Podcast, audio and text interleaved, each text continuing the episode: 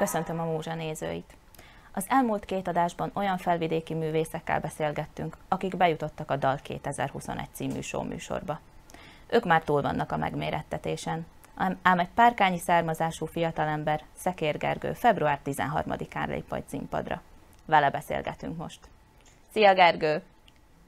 Hello, szia, szia! Örülök, hogy időt szakítottál ránk. Hogy vagy most? Hát köszönöm szépen, hogy felhívtad. Most jóra egyébként épp egy, az egyik ismerősömnek, a színházának csinálok egy, hát egy, egy beugrószerű uh, vígjátékos műsort, és ez az internetre fog felmenni, úgyhogy ennek a gyártásában vagyok most benne éppen. Tehát akkor munka közben csíptünk el. Így van, pontosan. Figyelj, Gergő, a versenytársaiddal nem tudtam még élményekről és tapasztalatokról beszélgetni, ugyanis velük még a műsor indulása előtt készítettük a felvételeket, de te már nekünk tudsz valami kis kulisszatitkokat elárulni, ha jól sejtem, te már azért túl vagy egy-két próbán, ugye? én már túl, én már a táncpróbán is túl. Uh, holnap lesz a kamerapróbám, csütörtökön tulajdonképpen, és uh, és tegnap volt a, a soundcheck, tehát a száraz próba és a hangpróba beállás. Beavatsz minket a részletekbe, amennyit elárulhat természetesen, hogy hogyan zajlik egy ilyen volumenű show műsornak a próbája. Nagyjából mindenkire egy hét van, pontosabban öt nap van, mert szombat az adás, és hát ez úgy zajlik, hogy hétfőn megtörténnek az interjúk, a fotózások és a, a száraz próbák, illetve a hangbeállások, az, hogy az én fülemben minden tökéletesen szóljon és visszahalljam magam. Kedden nekem táncpróbám szokott lenni egyébként, legalábbis így szoktam beidőzíteni.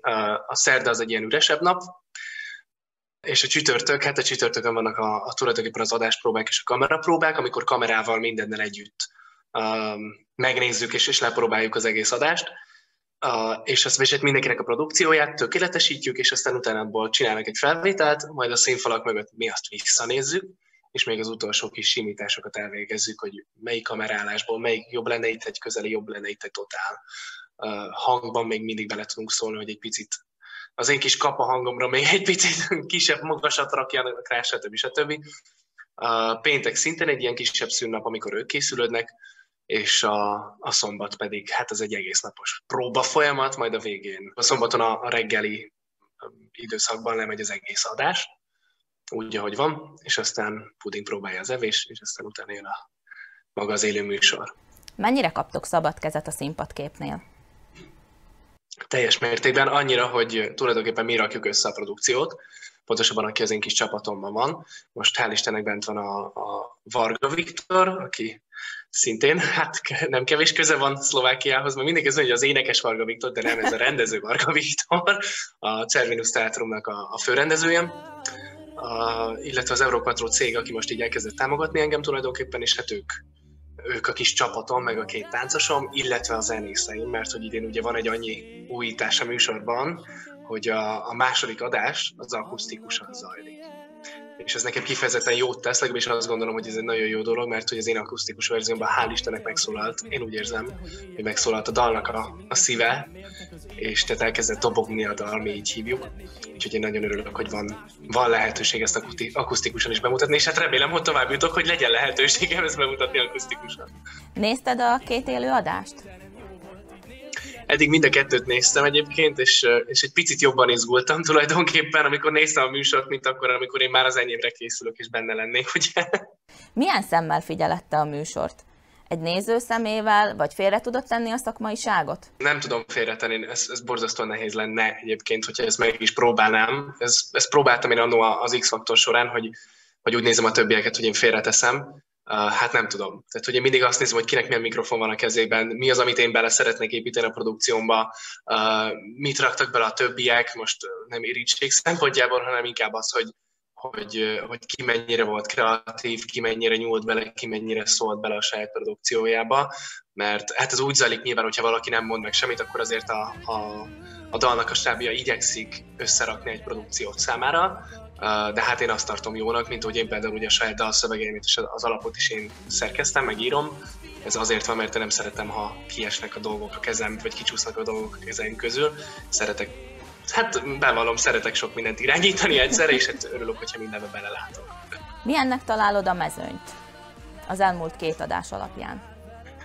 Idén ez egy elég erős mezőny, azt gondolom, a, inkább a dalok miatt, tehát nem is annyira az előadók miatt, bár ugye benne van az Andris, Kálai Sanders András és Radics Gigi, akik hát azért most mondhatnám, hogy elég komoly ellenfelek tudnak lenni, ének technikailag főleg, viszont hál' Istennek nem így nézem, hanem, hanem a dalokat nézem, és hát vannak, vannak nagyon szépen megírt dalok, mind a szövegben, mind alapban.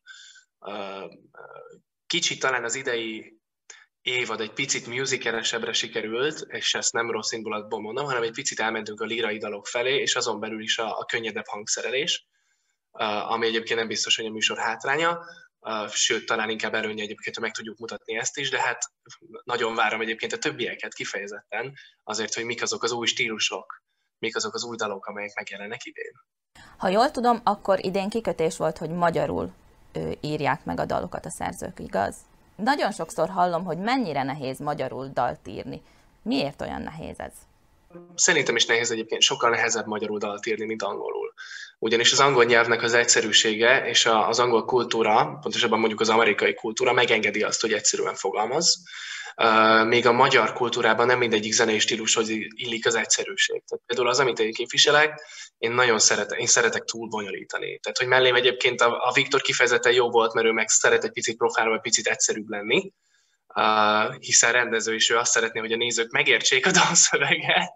Én pedig hát egy kicsit köntörfalazva és egy picit tágabban fogalmazok, ami, nem az, ami azt tudja eredményezni egyébként, hogy kevésbé tűnik konkrétnak a szöveg. De nehéz, mindenképpen nehéz magyarul írni.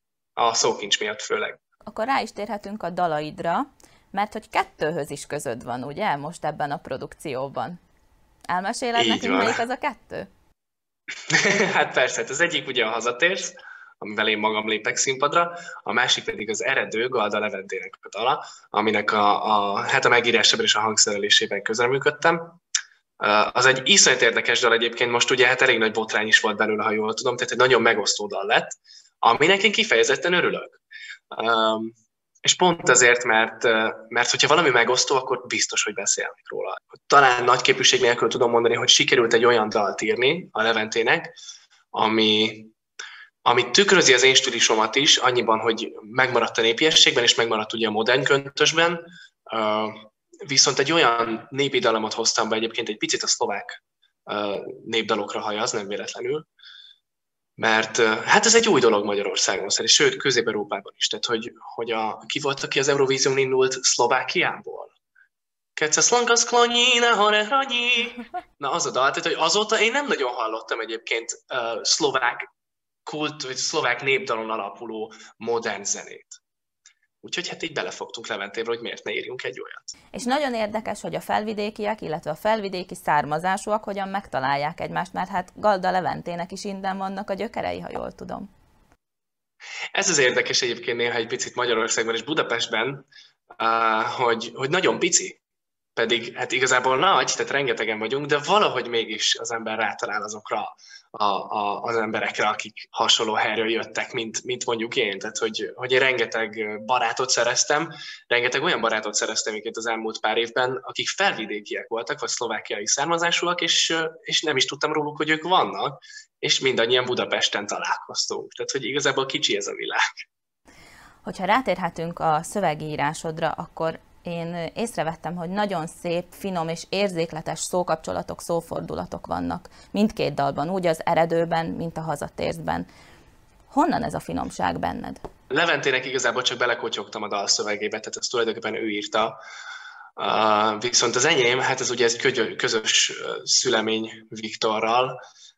Nem tudom, én azt az érdekes, hogy én zenében és ezáltal a dalszövegben is mindig törekszem arra, hogy a, az aktuális érzelmeimet, tehát amit kitalálok egy témát, hogy miről szeretnék írni, és azt próbálom a lehető legjobban megfogalmazni, és pont ezért egy picit bonyolult, mert én rengeteg, vagy egy kicsit régiesebb szót használok, vagy egy olyan szót, amit talán már nem értenek az emberek, pont ezért, hogy ösztönözzem őket egyébként a, a, az olvasásra, a, régi szavaik megismerésére, hiszen a kultúránkat azt nem csak megőrizni lehet, hanem építeni is, pontosabban fejleszteni, ezért élünk. Uh, úgyhogy hát, hogy honnan jönnek a szép szavak, fogalmam sincs. az, pont az egyik barátom mondta egyébként valamelyik nap, hogy, hogy milyen érdekes, hogy nálatok felvidékieknél uh, ti olyan gyönyörűen fogalmaztok. Még mi itt Budapesten elmondunk valamit kerekperec, az úgy van, viszont akik, akik felvidékről származnak, és alapvetően kétnyelvűek, sokkal szebben fogalmaznak. Szerintem pont ezért egyébként, mert hogy, hogy még ugye számunkra két nyelv is megadott, az ember odafigyel sokkal inkább úgy a szlovákra is egyébként, és ugyanígy a magyarra is odafigyelek sokkal jobban mert hát próbálom művelni a nyelvet, nem csak beszélni. Miről szól a Hazatérsz című dalod?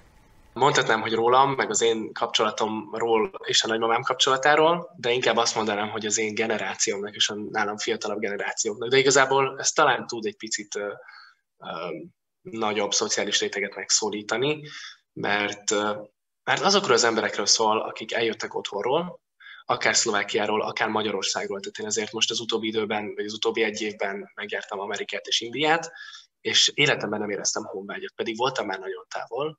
Most viszont azt éreztem, hogy, hogy egy picit hiányzik az otthon, és hiányoznak a barátaim. Uh, és ez egy nagyon furcsa, kettős dolog. Az én dalom tulajdonképpen arról szól, hogy van egy fiatal srác, aki levelet ír az édesanyjának vagy a nagymamájának, és megkérdezi, hogy mizó otthon és hazudik, mert amikor ugye kap egy válaszlevelet, és megkérdezik tőlem például, mint ahogy én tettem nagyon sokszor fiatal, nagyon fiatal koromban, um, hogy megkérdezte nagymám, hogy hogy vagyok, és hogyha nem volt pénzem befizetni a lakbért, és borzasztóan rosszul voltam, és azon gondolkoztam, hogy uh, még a kis tejfölös rizsemet mikor fogom megenni, pénteken vagy szombaton, uh, és akkor is azt mondtam, úgy vettem fel a telefont, hogy minden oké. Okay és az embernek vannak ilyen picik egyes hazugságai az ősök felé, mert az ember teljesíteni próbál. És azért jöttem Budapestre, hogy én megéljek, és, és önmegvalósítsa közben dolgozzam, és, és megvalósítsam azokat az álmaimat, amelyeket, amelyek gyerek, vagy amelyeket gyerekkorom óta hordozok. És egy picit hazudtam én is sokszor haza, hogy, hogy minden rendben van, holott nem biztos, hogy rendben volt. Szóval tulajdonképpen erről a kettőségről szól, meg hát arról a kettőségről, ami egyébként nagyon sok mindenkiben szerintem benne van, hogy, hogy azért én is volt, amikor elvágyottam itthonról, és azt mondtam, hogy nekem biztos máshol van dolgom, de amikor kint voltam, azt éreztem, jól éreztem magam, de azt éreztem, hogy nekem otthon is dolgom van, tehát nekem otthon dolgom van. És hát remélem, hogy ez a zene. Gergő, mennyire fontosak neked a gyökerek? Nekem borzasztóan egyébként, bár, bár nehéz kiszámolni az embernek, hogy mennyi szlovák, mennyi cseh, mennyi szláv, mennyi magyar vér van benne, mert hát ez egy, a közép-európa egy, ez egy iszonyatos mix tulajdonképpen. És pont ezért fontos egyébként, hogy, hogy nekem inkább Közép-Európa fontosabb, mint az, hogy, hogy, hogy most országokról vagy nációkról beszéljünk, mert hogy rengeteg a különböző kultúra, és ezt, ezt mind magunkével tudjuk te, tulajdonképpen tenni. Úgyhogy nekem inkább, a, a, inkább ez a Kárpát-medence fontos, mint az, hogy én honnan származom tulajdonképpen. A Dal című műsorban ugye bevett szokás, hogy szólhatsz a nézőkhöz, és motiválhatod őket arra, hogyha szükség van rá, akkor szavazzanak rá, de ezt most megteheted. Nagyon lelkiismeretes gyerek vagyok, és, és nagyon nehezen motiváltatok embereket arra, hogy, hogy szavazzanak rám. Én inkább azt mondanám, hogy hallgassák meg a dalt, és amennyiben magukének érzik, akkor én nagyon szívesen látom a szavazatokat. Gergő, egy élmény volt veled beszélgetni, és hát szorítunk neked, és izgulunk érted szombaton. Nagyon szépen köszönöm. Minden jót. Nektek is. Köszönjük szépen, hogy velünk tartottak, tegyenek így legközelebb is.